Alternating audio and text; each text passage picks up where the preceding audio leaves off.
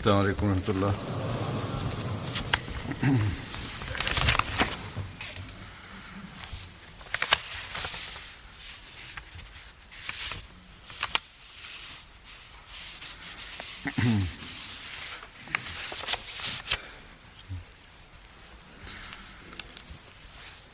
أشهد أن لا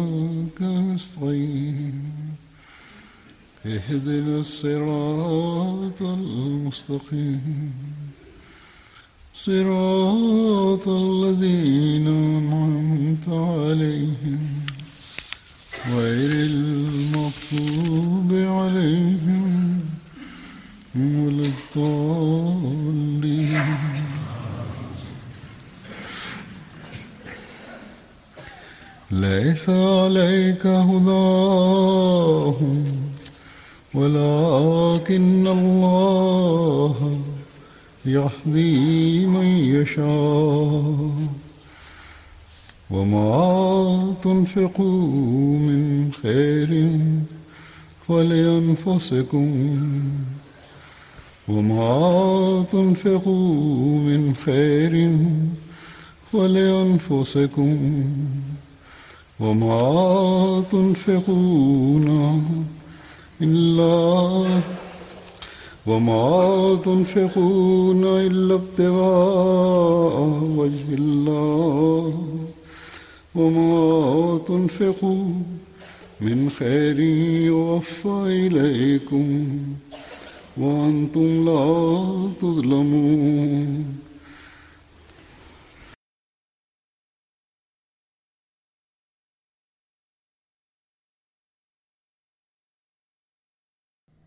يتبين من هذه الآية أن الله تعالى وضح أن الهدى أي الذهاب بالمرء إلى الصراط المستقيم وتسييره على الطريق السوي المؤدي إلى المنزل الحقيقي وتثبيته على ذلك الطريق وذلك الهدى وإيصاله إلى المنزل وحمايته من الضلال وجعل عاقبته حسنة. إنما منوط بفضل الله تعالى وهو بيد الله فقط. أما نحن فنستطيع أن ندل أحدا على طريق الحسنات.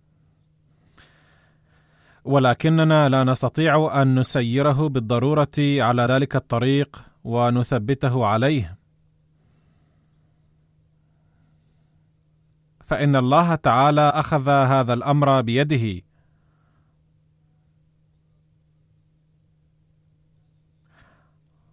والشخص الذي يسعى للتقدم إلى الله تعالى وللسلوك على طريقه ويدعوه أيضا يصل إلى المنزل بفضل الله تعالى. فلذلك من الضروري أن نسعى بعد الاهتداء لنسلك على الطريق الذي أخبرنا عنه الله تعالى.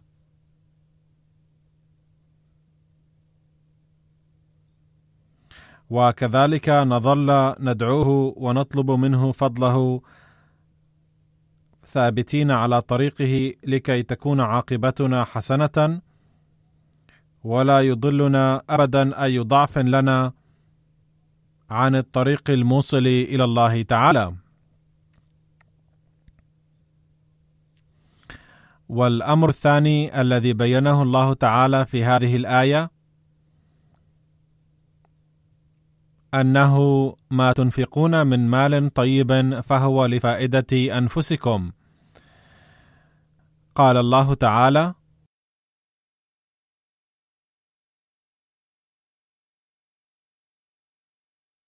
يترجم حضرته الآية السابقة إلى اللغة الأردية.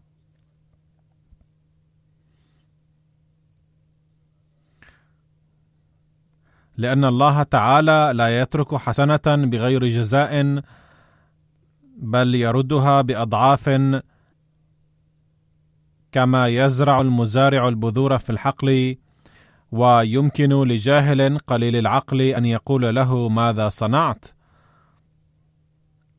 لقد أضعت البذار كله في الأرض ولكن العاقل يعرف أن البذور الذي ألقي في الأرض سوف يضاعف الافا بل ملايين.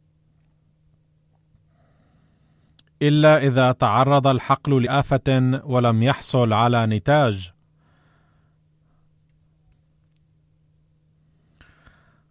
فالمال الطاهر الذي ينفق في سبيل الله بنية صالحة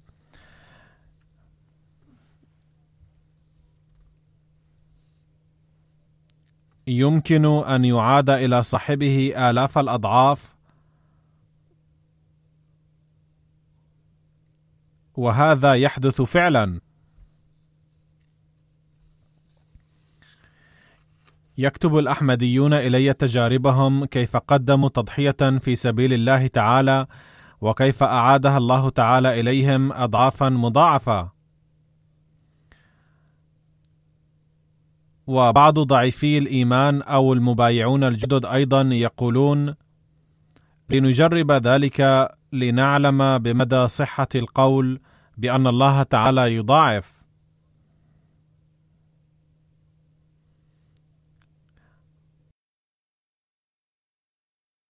وفعلا يكرمهم الله ليقوي إيمانهم ولكن معظم الأحمديين يفهمون قول الله تعالى هذا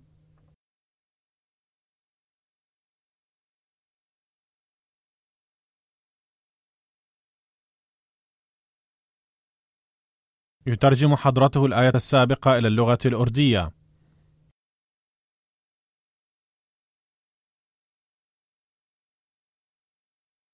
وإذا أنفقوا لحاجات الدين أنفقوا ابتغاء لوجه الله تعالى. وهذا هو تعريف المؤمن الحقيقي الذي بينه الله تعالى بأنهم ينفقون ابتغاء لوجه الله تعالى. والله تعالى يعلم حالة هؤلاء الناس الذين ينفقون لنيل رضاه تعالى. ومثل هؤلاء الناس الراجين رضوانه تعالى يرون افضال الله تعالى أيضا بحيث يتقبل الله تعالى ما ضحوا به في سبيله ويعيده إليهم.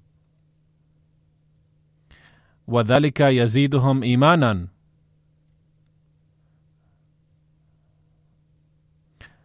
فقال الله تعالى لا أخلف جزاء خير. فإذا أنفقتم لابتغاء وجهي من مالكم الطيب في سبيل ديني وطاعة لأمري فسوف أعيده إليكم بشرط أن يكون المال طيبا. فأقول بشكل خاص لبعض الأحمديين الذين يقيمون في هذه الدول المتطورة يجب عليهم أن يكسبوا المال الطيب. ولا يخضع الدوائر الحكومية لكسب المال الزائد بحيث أنهم يعملون ويكسبون ومع ذلك يأخذون المعونة من الحكومة بالكذب. ومثل هؤلاء الناس يأخذون المال من الحكومة ولا يؤدون الضرائب التي هي حق الحكومة وواجب كل مواطن وبذلك يغصبون حق الآخرين. لأن ذلك المال يمكن أن ينفق في أعمال أخرى تؤدي إلى رقي الدولة وهؤلاء الناس يصبحون عائقا في ذلك. وفوق ذلك يرتكبون الكذب بإعطاء المعلومات الخاطئة للحكومة. وهذه الأمور كلها آثام ويبعدون المرأة من المال الطيب. لأن المال الطيب المكتسب من الطرق الشرعية أيضا لا يكون طيبا إذا أضيف إليه المال المكتسب من الطرق غير الشرعية التي منع الله تعالى منها. باختصار قال الله تعالى وما تنفقوا من خير يوفى إليكم. أي المال الطيب الذي تنفقونه ابتغاء وجه الله لا يتقبله فقط بل يوفي إليكم ويعيده إليكم بشتى الطرق. ولا يظلم أحدا شيئا ولكن الإنسان نفسه يظلم نفسه بتصرفاته الخاطئة وبعصيانه أحكام الله تعالى ويلقى الخسارة. هناك آلاف بل مئات الآلاف من الأحمديين الذين ينالون أفضال الله تعالى ويجربون ذلك ويفهمونه.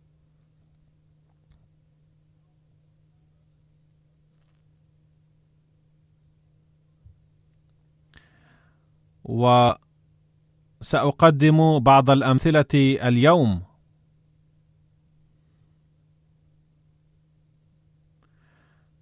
إننا نرى نماذج هذه التضحية منذ زمن المسيح الموعود عليه السلام ونقرأ واقعات ونرى اليوم أيضا هذه المشاهد وهي ليست قصصا قديمة فقط.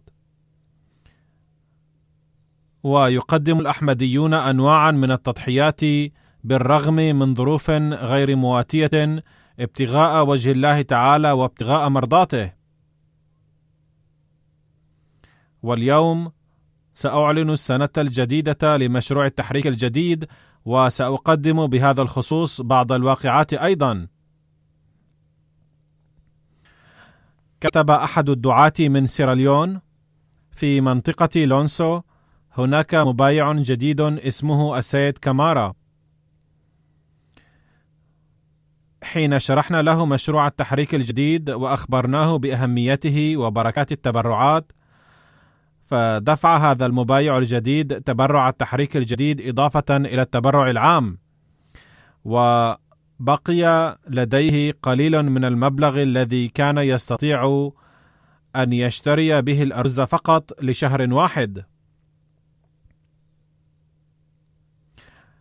ولكنه دفع هذا المبلغ أيضا في صندوق التحريك الجديد. قال الداعية جاء هذا المبايع بعد أيام قليلة وأخبر بأنه بعد يوم من دفعه التبرع في صندوق التحريك الجديد. قالت له الشركة التي كان يعمل فيها إننا قد غيرنا قسمك وسيكون راتبك في القسم الجديد ضعفين وهناك كثير من الفوائد المالية الأخرى.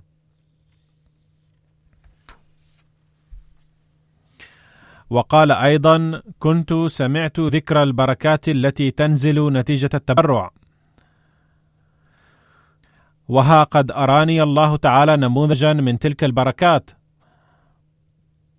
ثم قال سوف أدفع كل شهر تبرع التحريك الجديد مع التبرع العام. ثم كتب داعيتنا من منطقة بورت لوكو في سيراليون واقعة. انظروا كيف يكرم الله تعالى المضحين في سبيله بالرغم من الفقر وكيف يتسبب ذلك في زيادة إيمانه. والواقعة كالتالي هناك قرية اسمها ساند ميبلن تورو وفيها أحمدي يدعى محمدا.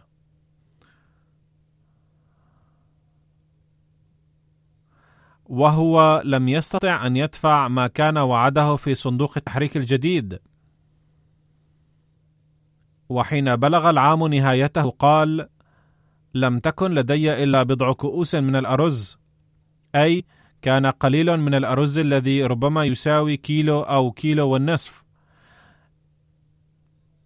بعت الأرز ودفعت تبرع التحريك الجديد. وفي اليوم التالي أرسل لي شخص ذو قرابة بعيدة كيسا كبيرا من الأرز وبعض المال هدية لي. وهذا الشيء زادني ايمانا كثيرا لأنني كنت دفعت بعض كؤوس من الأرز ولكن الله تعالى عوضني بمئة كيلو من الأرز وبعض المال أيضا. ثم كتب الداعيه من غيني بيساو وهذه الواقعة أيضا تخبر بمستوى تضحية الفقراء وكيفية تجديد الله تعالى إيمانهم.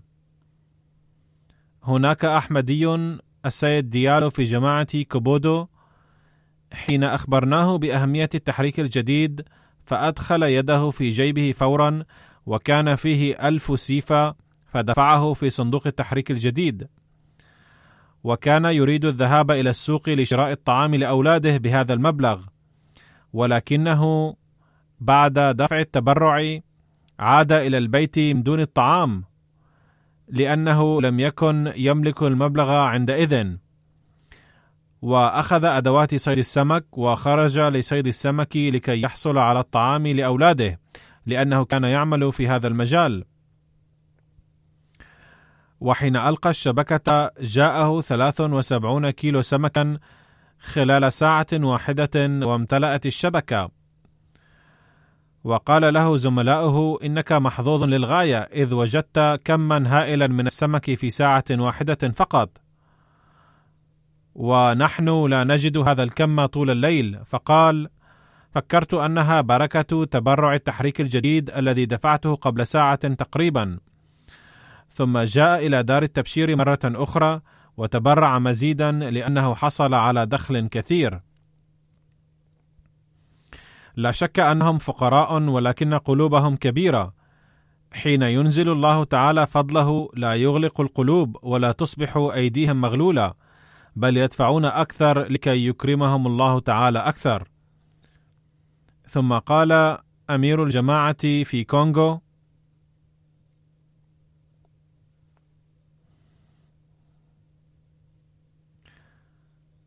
في منطقة دعا داعية المحلية أبناء الجماعة إلى التحريك الجديد.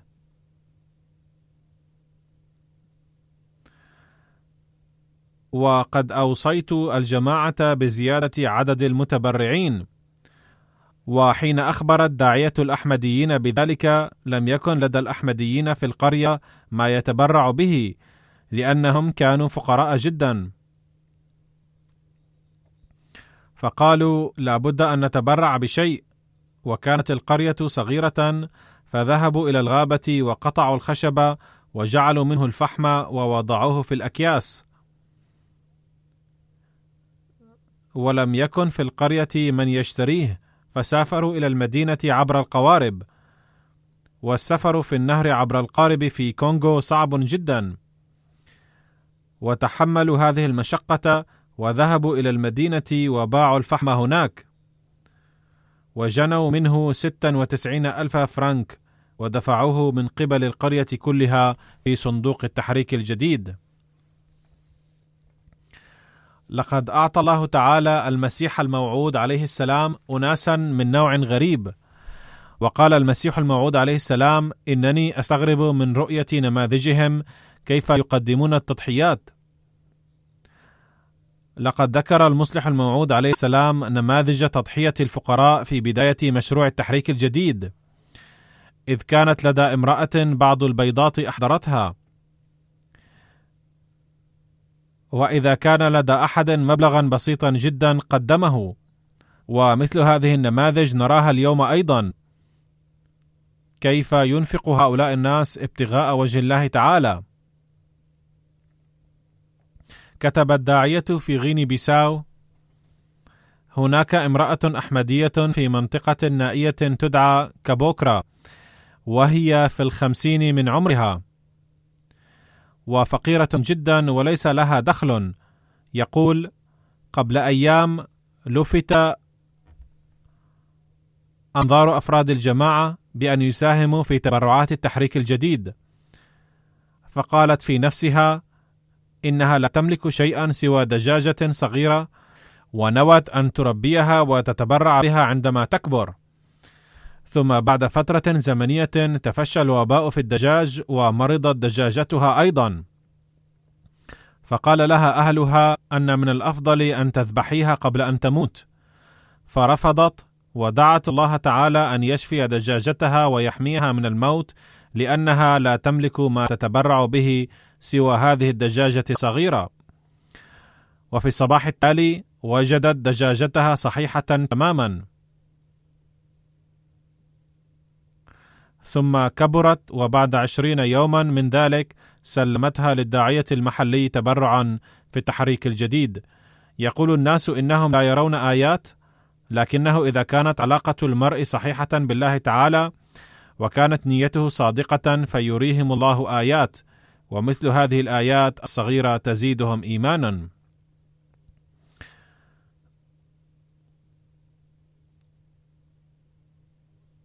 أقدم لكم مثالا آخر لمعاملة الله تعالى. يقول الداعية المحلي في منطقة مرا في تنزانيا إن لشاب أحمدي مخلص راشد حسين المحترم محل صغير للبقالة. وكان قد دفع كل ما وعد في صندوق التحريك الجديد. وعند نهاية السنة حين نصحت الناس أن من يستطيع فيمكن أن يدفع أكثر وهذا الأخ لم يكن من هذه الفئة إذ كان يعاني الضائقة المالية في تلك الأيام وكان قد بقي في محله أشياء لا يتوقع بيعها عاجلا. لكنه مع ذلك دفع ثلاثة آلاف شيلينغ. ثم جاءني مساء مرة أخرى وأخبرني أنه حدث له أمر عجيب وهو أني لم أكن أملك شيئا سوى هذا المبلغ الذي تبرعت به. وكان في محلي أغراض ما كنت أتوقع أن تباع سريعا وكنت قلقا.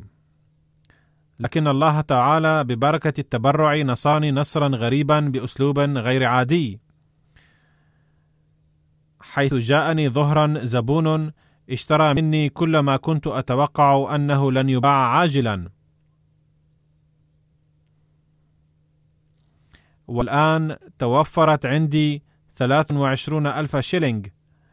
وقال إنني أؤمن بأن الله تعالى رزقني ذلك كله ببركة التبرع حصرا.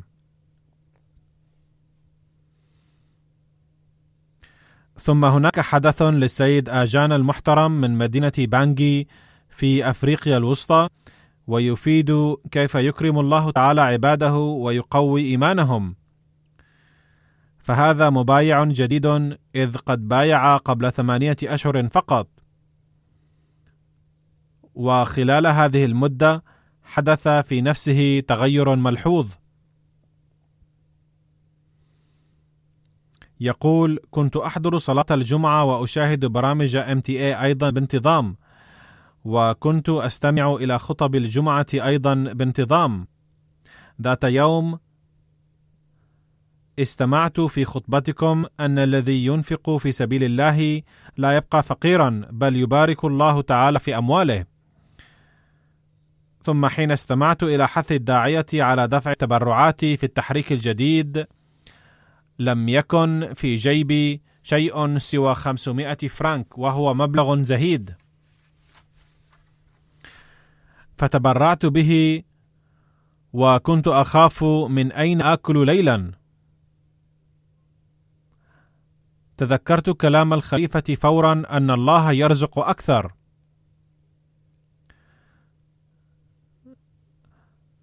وبدأت أترقب كيف يعاملني الله تعالى. إذ كنت قد تبرعت بخمسمائة فرانك. هذا مبايع جديد وكان إيمانه ضعيفا نوعا ما بمعنى لم يكتمل إيمانه إلا أن التغيرات كانت تحدث وكانت نيته صالحة. فيقول قد مكثت في مركز الجماعة لبضع ساعات وخلال ذلك تلقيت مكالمة هاتفية من أحد الأقارب وقال لي عندي أحجار كريمة أريد أن أبيعها في مدينتك. وأنا لا أعرف أحدا هناك وأريد أن تساعدني. ثم جاء فاصطحبته إلى تاجر الأحجار الكريمة فهناك تجارة الأحجار الكريمة. فحين باع قريبي ذلك الأحجار الكريمة أهدى لي 27 ألف فرنك والمشتري أيضا أهدى لي عشرة آلاف فرنك. ففي ذلك اليوم عرفت كيف أن الله تعالى أكرمني بسبع وثلاثين ألف فرنك مقابل خمسمائة فرنك. تبرعت بها في سبيله تعالى وبذلك ازداد إيماني أكثر.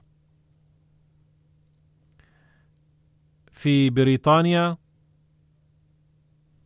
سيدة أكرمها الله تعالى وزادها إيمانا.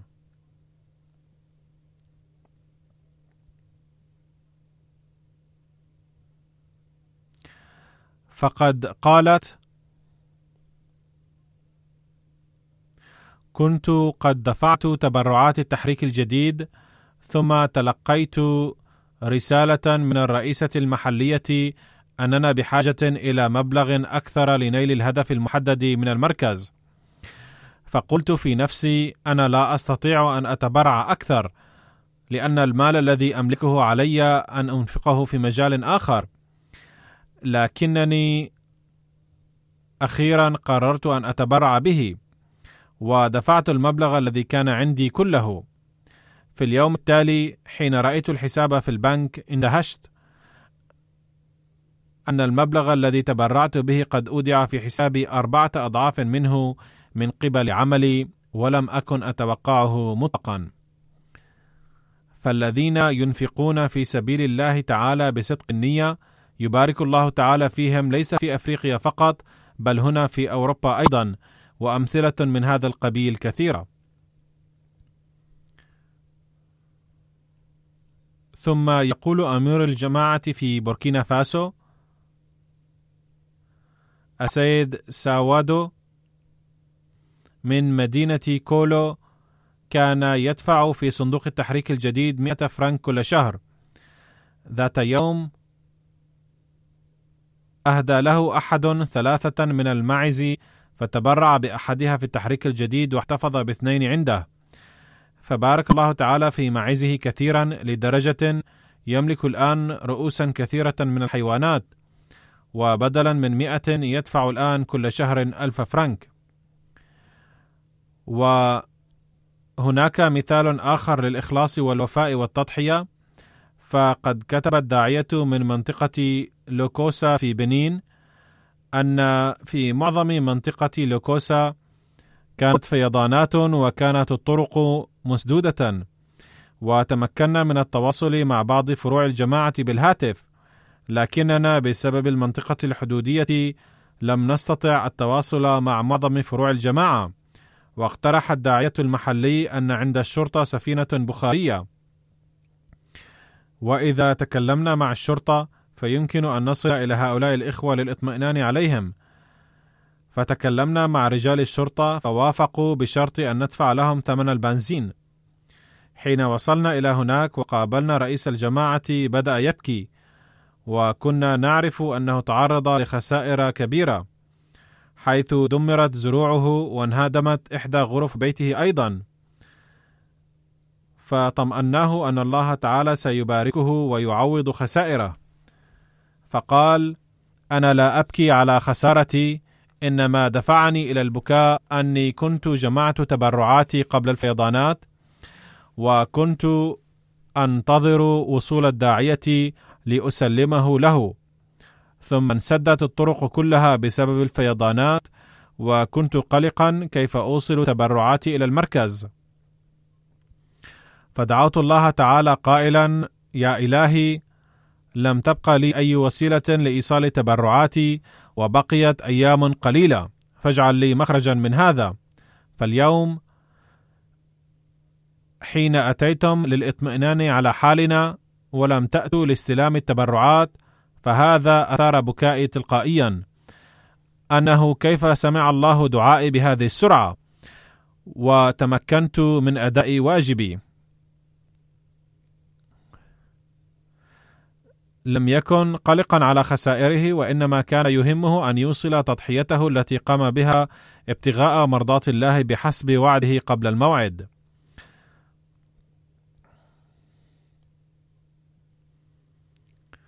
يقول السيد إبراهيم المحترم وهو محصل تبرعات التحريك الجديد في ولاية كرناتيك الهندية وهو يتضمن مثالا آخر لمعاملة الله تعالى فهناك شاب أحمدي يعمل في شركة وراتبه الشهري عشرون ألف روبية وحين حثثته على أن يتبرع بنصف راتبه بحسب ما نصح سيدنا المصلح الموعود رضي الله عنه عن التضحية البالغة معيارها فوعد بدفع عشرة آلاف روبية رغم أن أوضاعه الاقتصادية لم تكن جيدة. فقال له أقاربه إنك وجدت هذا العمل حديثا كان ينبغي الا تعد بهذا المبلغ إذ قد تتعرض لمشكلة. فقال لهم حين قال المصلح الموعود رضي الله عنه إن ملائكة الله لا يخلقون في المرء القوة والطاقة ما لم يبذل جهدا كاملا لذا سوف أدفع بمقتضى هذا. ثم لم تمضي بضعة أيام على هذا القول إذ وجد العمل في شركة أخرى ويتلقى بفضله تعالى راتبا 127 ألف روبية. وهو يقول إن كل ذلك حصل ببركة التبرعات. ثم كتب محصل التحريك الجديد من ولاية كيرالا إن أحمديا مخلصا من مدينة كيرولائي يتميز من بين كبار المضحين في صندوق التحريك الجديد. وهو حائز على مركز مرموق فله تجارة الفرش وأثاث البيت. وأرى وكيل المال خلال جولته مصانعه. ثم ذكر لنيل الدعاء أن أعماله التجارية ليست جيدة في هذه الأيام وطلب الدعاء لتحسين ذلك. مع ذلك كان قد وعد بتبرع مليون ونصف في التحريك الجديد وخلال سنة كان تمكن من دفع مئتي ألف روبية منها فقط. وكان الوقت قليلا ولذا كان قلقا كيف يدفع ما وعده.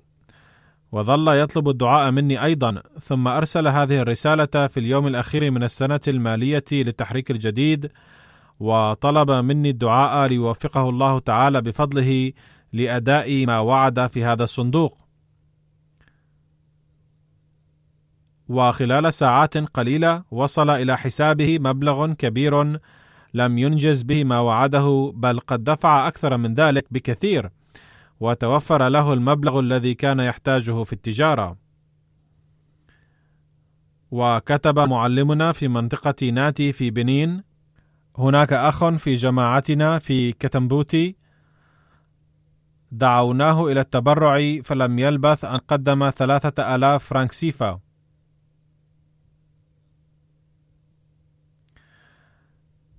مع أنه لم يدفع من قبل أكثر من 500 سيفا رغم الحث المتكرر. فقلت له في حيرة كيف تدفع هذا المبلغ الكبير وما السبب وراء ذلك؟ فأجاب كنت مقصرا في دفع التبرعات ورأيت أن مشاكلي لا تنتهي بل تكثر. ومحصول الزراعي لا يكون جيدا. وفي المرة الأخيرة تبرعت لأجرب كيف تنزل علي بركة الإنفاق في سبيل الله. وقد رأيت بالخبرة أن الله تعالى بالفعل يعينني ببركات الإنفاق في سبيله من حيث لا أدري ويسد حاجاتي ويبارك في زرعي. ولما جربت ذلك بنفسي زدت تبرعي خمسة بل ستة أضعاف من تلقاء نفسي بدون أن تحثوني على ذلك.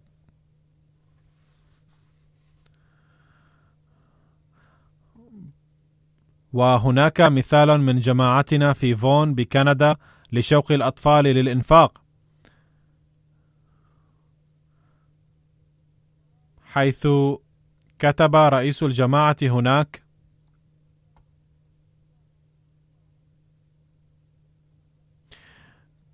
كنا في شهر أكتوبر نحث الإخوة على تسديد ما وعدوا به في صندوق التحريك الجديد. وقمت بحث أطفالي على ذلك. فدفعوا من مصروف جيوبهم أكثر مما وعدوا به.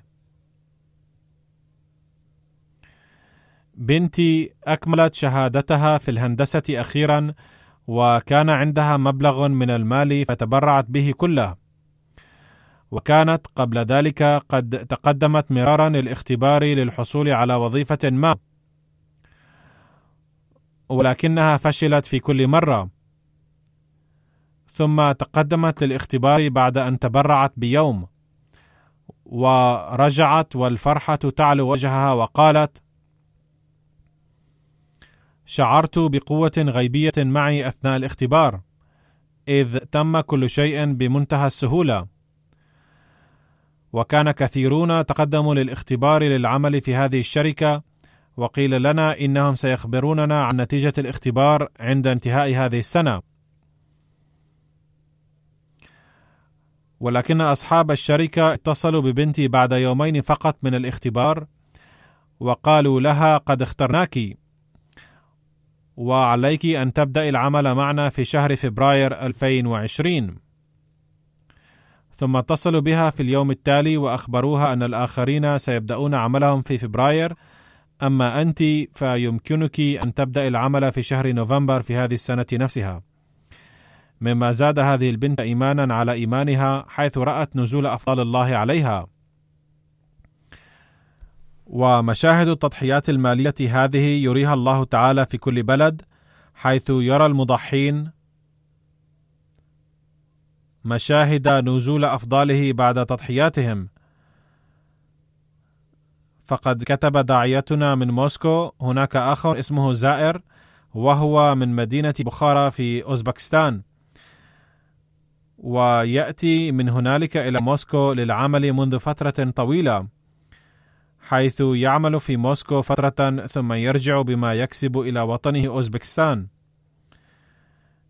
كانت زوجته مترددة في البيعة في أول الأمر. لكنها قرأت الكتب وقامت بالدعاء فوفقها الله للبيعة. لقد دعونا هذا الأخ للمساهمة في صندوقي التحريك الجديد والوقف الجديد من طرفه ومن طرف زوجته أيضا. فقال إنه يعمل في هذه الأيام سائق تاكسي في أوزبكستان وزوجته تمتهن الخياطة. وقال الأخ لقد اتبعت أنا وزوجتي نظاما معينا فيما نكسب حيث جعلنا دخلنا ثلاثة أقسام قسم للأولاد وقسم للبيت وقسم للتبرع والإنفاق في سبيل الله تعالى. وإننا نعيش عيشة ملؤها السكينة والإطمئنان والرخاء. وقال الأخ زائر المحترم أيضا قد أنزل الله بركة كثيرة منذ أن بدأت المساهمة في التبرعات وقد بورك دخلي بما لم أرى مثله في السنوات الماضية.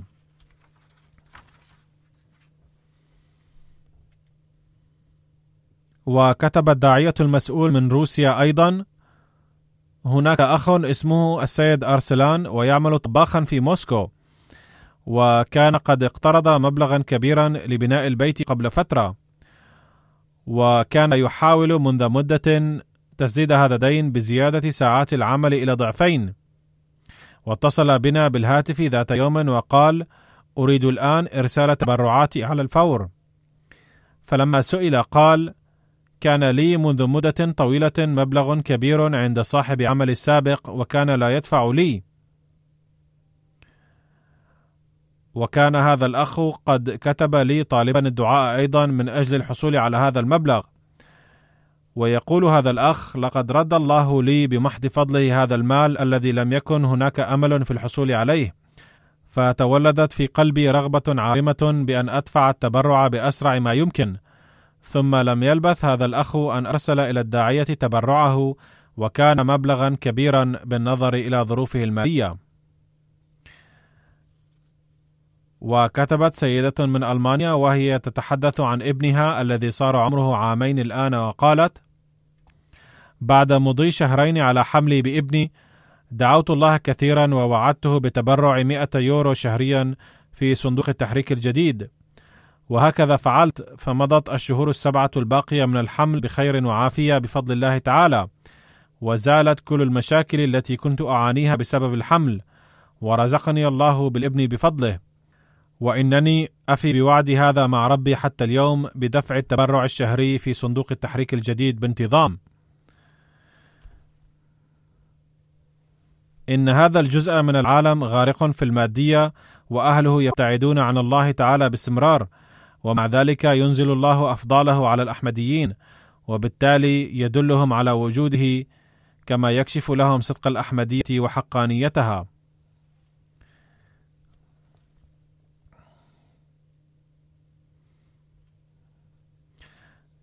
كتب داعيتنا في لتويا هناك أخ أحمدي من لتويا اسمه أحمد فو وهو من ولاية بخارى بأوزبكستان. وقد وفقه الله تعالى لقبول الأحمدية قبل بضع سنوات. لا يزال هذا الأخ يزداد بفضل الله تعالى إخلاصا ووفاء وقد انضمت زوجته إلى الأحمدية بالبيعة في العام الماضي بعد أن رأت من سلوكه الحسن الطيب. يقول داعيتنا لقد اتصل بي هذا الأخ عبر الهاتف ليخبرني قصته عن التبرعات فقال أعمل في أوزبكستان لستة أشهر وأذهب إلى روسيا للعمل لستة أشهر. كنت اشتريت شقة في مدينة بخارى في هذا العام واضطررت من أجل شرائها لبيع سيارتي.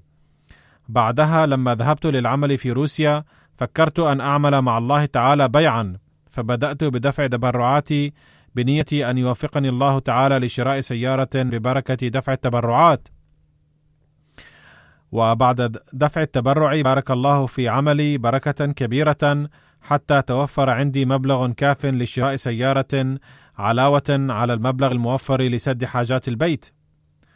فرجعت إلى بخارى واشتريت سيارة أفضل من السيارة التي اضطررت لبيعها من أجل شراء البيت وما كان هذا إلا ببركة التبرع فحسب. إذ لم يكن بمقدوري توفير هذا المبلغ الكبير. هذا الأخ قد بايع قبل فترة وقد زاده هذا الأمر إيمانا مع إيمانه. وكتب داعيتنا في غينيا بيساو هناك أخ أحمدي اسمه إدريس. وكان لا يتبرع في صندوق التحريك الجديد رغم كونه احمديا بالولادة ورغم التذكير المتكرر له بالمساهمة.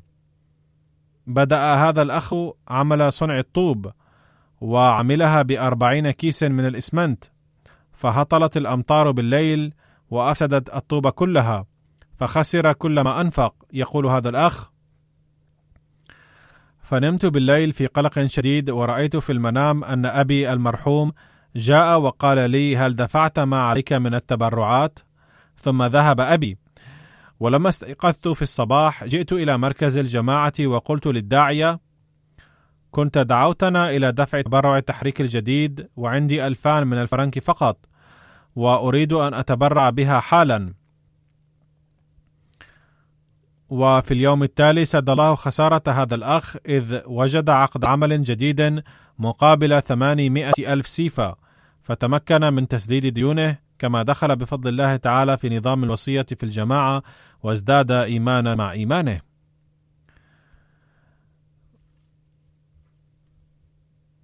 وهناك أخ في جزر مايوت اسمه علي محمد وقد كتب لم يكن عندي عمل ثابت ولكن منذ أن تبرعت في صندوق التحريك الجديد لم أجد أي صعوبة في العثور على العمل. بل ما إن أن أنتهي من عمل حتى أجد عملا آخر على الفور وذلك منذ أن دفعت التبرع. علما أن جماعتنا في جزر مايوت جديدة حيث تأسست قبل بضع سنوات فقط ولكنها جماعة تزداد إيمانا وإخلاصا باستمرار.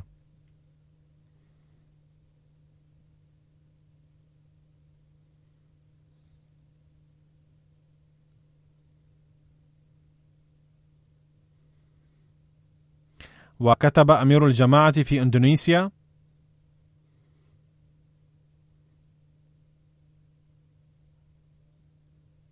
هناك أحمدي في فرع جماعتنا ببيجنتان اسمه أوريانو وهو يقيم وحده إذ توفيت زوجته. انظروا الآن كيف أن الإخوة اخترعوا طرقا عجيبة محيرة لدفع التبرعات. لا شك أنهم متحلون بإخلاص ووفاء عظيمين. قد تزوج أولاده يساعد الداعية في أعمال الدعوة والتبليغ أيضا. إنه فلاح فقير ولكن هذا الأخ يدفع التبرع كل شهر. وذات مرة سأله الداعية إنك تحصل على محاصيل حقلك بعد ثلاثة أو أربعة أشهر فكيف تدفع التبرعات شهريا بدون انقطاع؟ قال الأخ لقد اهتديت إلى حيلة تعينني على دفع التبرعات شهريا بدون انقطاع وهي أنني خصصت قطعة من أرضي لزرع الموز فقط وقد زرعتها على فترات زمنية متباعدة فهكذا كل بضعة أشجار تثمر على فترات متباعدة طوال السنة وفي كل شهر أقطف الموز وأبيعه في السوق وأتبرع بما أكسب كل شهر بانتظام. وكتب أمير الجماعة في إندونيسيا أيضا في فرع الجماعة في باسر بنغاريان أخ قد بايع قبل فترة قليلة. وقد واجه من قبل زوجته معارضة شديدة ولكنه ظل ثابتا. عندما بدأت السنة الجديدة للتحريك الجديد حثه داعيتنا على المشاركة في الجهاد المالي بالتبرع في هذا الصندوق. فوعد بدفع 500 ألف روبية إندونيسية. علما أن الروبية الإندونيسية ضئيلة القدر ولكن هذا المبلغ كان كبيرا بالنسبة لهذا الأخ الذي يعمل مدرسا وراتبه قليل جدا. فسأله داعيتنا مرة أخرى وقال: لقد وعدت بدفع هذا المبلغ الكبير فهل تقدر على سداده؟ لعلك تقع في مشكلة، فقال بكل يقين: نعم، هذا ما أريد أن أعد به. فعندما نصح بدفع المبلغ كاملا في شهر رمضان دفع كل ما كان قد وعد بدفعه وذات يوم أعطاه أحد أقاربه نقودا في ظرف مغلق فلم يفتح الظرف بل جاء به إلى بيت رئيس الجماعة وقال له أريد أن أدفع كل ما هو في الظرف في صندوق التحريك الجديد ففتح رئيس الجماعة الظرف ووجد فيه نصف مليون روبية إندونيسية بالضبط فدفع هذا الأخ المبلغ بالكامل في صندوق التحريك الجديد بحسب وعده. كذلك نلاحظ الإخلاص والروح لتقديم التضحيات المالية في الأطفال أيضا. وهذا الانقلاب ملحوظ في جماعة المسيح الموعود عليه السلام فقط. يقول داعيتنا في غانا: لقد ألقيت قبل فترة وجيزة خطبة حول موضوع التضحيات المالية وخاصة في صندوق التحريك الجديد ونصحت الوالدين أن يعودوا أولادهم أيضا على تقديم هذه التضحيات وعلى أن يدفعوا التبرعات بأيديهم ففي يوم الجمعة القادمة جاء طفل يكاد يبلغ من العمر تسعة أو عشرة أعوام ببعض النقود وتبرع بها في صندوق التحريك الجديد. فسألته عن قصة هذا المبلغ فقال طلبت من والدي نقودا لأتبرع بها في صندوق التحريك الجديد ولكن لم أحصل عليها. من الممكن ألا تكون عندهما نقود حين ذاك ليعطوها إياه. ثم أضاف الطفل وقال لقد عملت كأجير في محل وحصلت على هذا المبلغ وها أنا أتبرع به في صندوق التحريك الجديد. ثم هناك قصة أخرى من سيراليون حيث يقول داعيتنا السيد بشير من مدينة كينما لقد وجهت أنظار الإخوة في فرع الجماعة في قرية سيرابو إلى التبرع في صندوق التحريك الجديد. وفي هذه الأثناء رأيت طفلا قد يكون عمره قرابة تسعة أو عشرة أعوام حاملا على رأسه رزمة الحطب وقال لي أرجو أن تشتري هذه الرزمة مني وأدفع ثمنها كله مني في صندوق التحريك الجديد. فاشتريت من الطفل رزمة الحطب وقطعت له وصل التبرع ثم أعدت إليه الحطب وقلت له ها قد دفعت التبرع. ندعو الله تعالى أن يبارك في أموالهم وإيمانهم بركات كثيرة. إن فكرة التضحية المالية على هذا النحو قد لا تكون موجودة في الأطفال هنا. أن يعملوا أو يجمعوا الأخشاب من الفلوات ويدفعوا ثمنها تبرعا لأن الظروف المالية هنا جيدة. غير أن أمثلة حسنة للتضحيات تلاحظ هنا في هذه البلاد أيضا إذ هناك بعض الأطفال الذين قد تبرعوا بمصروف الجيب كله وكانوا قد جمعوا بعض المال ليشتروا به شيئا معينا ولكن قدموه في التبرع. فإن أمثلة الإخلاص والوفاء ملحوظة في كل مكان بفضل الله تعالى ندعو الله تعالى أن يزيد هؤلاء المخلصين في الإخلاص والوفاء دائما والآن سأذكر لكم بعض التفاصيل للتضحيات المالية التي وفق الله تعالى جماعة المسيح الموعود عليه السلام لدفعها. إن تقديم التضحيات كما يقدمها أفراد الجماعة الأحمدية غير ممكن إطلاقا ما لم تحالف أصحابها نصرة الله تعالى وتأييده. إن الله تعالى هو الذي يقلب القلوب وهو الذي يلقي روح التضحية في قلوب الأحمديين حيثما كانوا في العالم كبارا كانوا أم صغارا.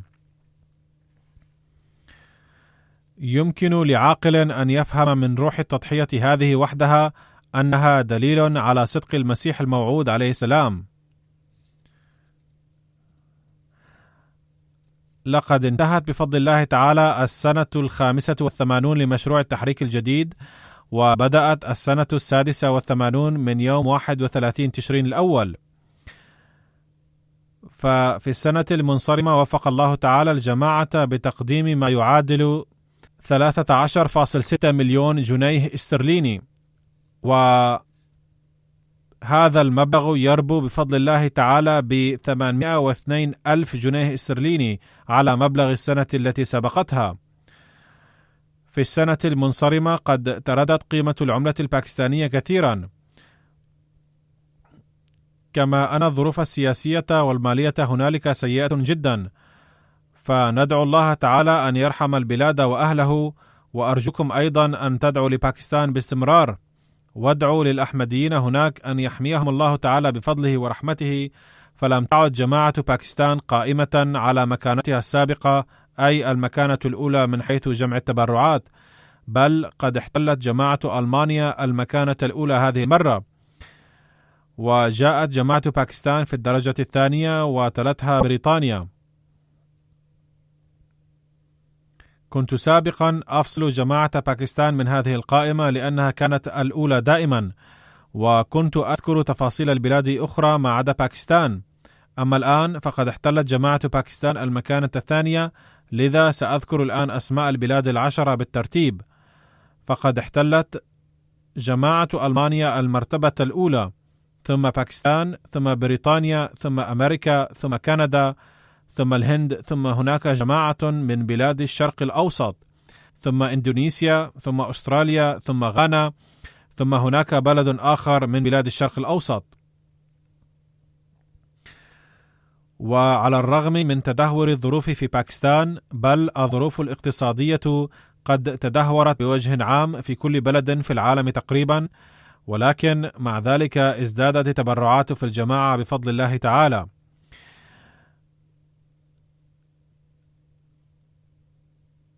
البلاد الثلاثة التي أضافت في تبرعاتها من حيث النسبة المئوية منها إحدى بلاد الشرق الأوسط ثم الهند ثم كندا ثم ألمانيا ثم بريطانيا ثم غانا ثم باكستان ثم إندونيسيا ثم أمريكا ثم أستراليا. والترتيب من حيث الإضافة في تبرع كل فرد هو تحتل سويسرا المرتبة الأولى ثم أمريكا ثم سنغافورة ثم بريطانيا ثم السويد ثم هناك بلاد أخرى. أما الجماعات البارزة من حيث جمع التبرعات في بلاد إفريقيا فهي كما يلي. أولا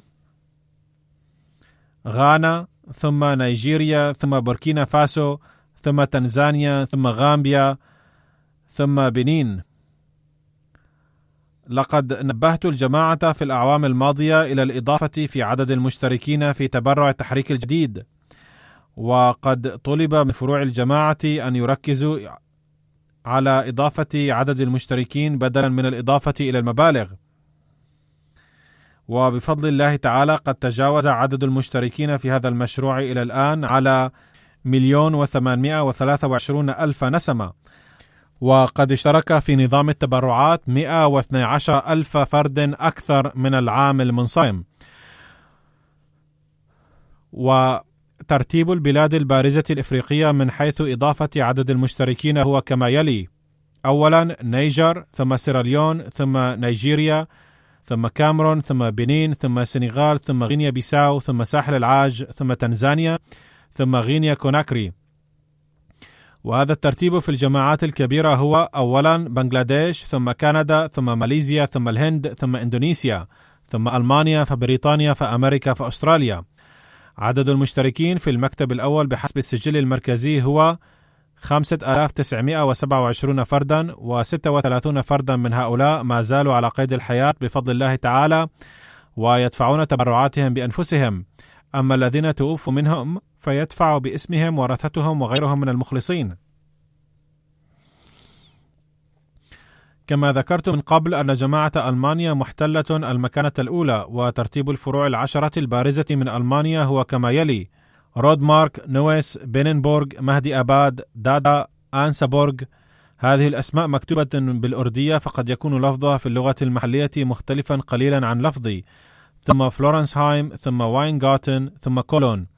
وهذا الترتيب من حيث الأمارات المحلية هو هامبورغ فرانكفورت ثم غروس غيراو ثم مارفلدن ثم ديتسنباخ ثم فيسبادن ثم ريدشتات ثم دارمشتات ثم مانهايم ثم أزلشاين. وترتيب الجماعات البارزة حيث جمعت التبرعات في صندوق التحريك الجديد في باكستان هو أولا مدينة لاهور ثم ربوة ثم كراتشي. والترتيب على مستوى المحافظات هو أولا محافظة إسلام أباد ثم سيالكوت ثم فيصل أباد ثم جوجرانوالا ثم عمركوت ثم حيدر أباد ثم ميربور خاص ثم قصور ثم توبه تيك سينغ ثم ميربور الكشمير الحرة. وهذا الترتيب من حيث مبلغ التبرع في المدن في باكستان هو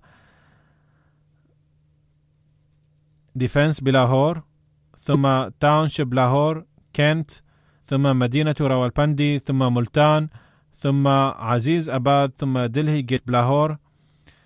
ثم مدينة كويتا ثم بشاور ثم بهاولنغار. والجماعات الخمسة الصغيرة من حيث هذا الترتيب هي واكنت صابن دستي كهركر غربي قرية نوبنيار وشويندا. وهذا الترتيب على مستوى المناطق في بريطانيا هو كما يلي. منطقة مسجد بيت الفتوح ثم منطقة مسجد الفضل ثم ميدلاندز ثم منطقة بيت الإسلام ثم منطقة إسلام آباد. الفروع العشرة الكبيرة من حيث دفع التبرعات الإجمالية هي أولا فرع مسجد الفضل ثم ووستر بارك ثم إسلام أباد ثم ألدرشوت ثم باتني ثم نيو مولدن ثم جيلينغهام ثم برمنغهام ثم غلاسكو الغربي ثم سكانتورب.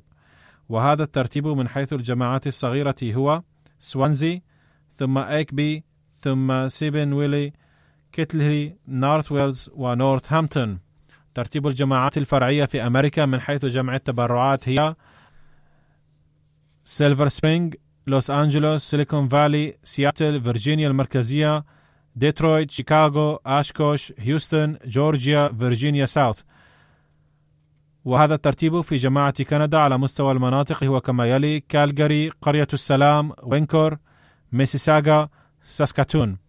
ومن حيث فروع الجماعة الصغيرة إدمنتون وإدمنتون الغربية دالتون ثم أتو ويست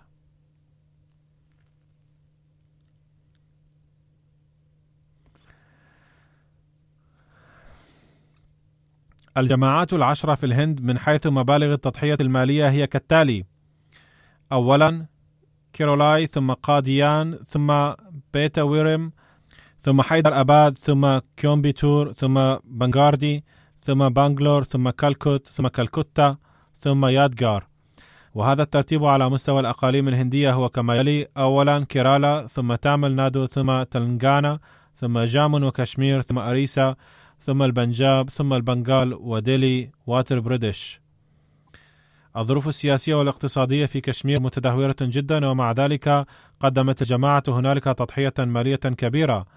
الجماعات العشرة في أستراليا من حيث جمع التبرعات هي أولا جماعة كاسل هيل ميلبورن بيروك ثم ميلبورن لانج ثم وارن ثم اي سي تي كانبرا مازدن بارك ثم أديلايد ساوث ثم بنريث ثم ماونت درويت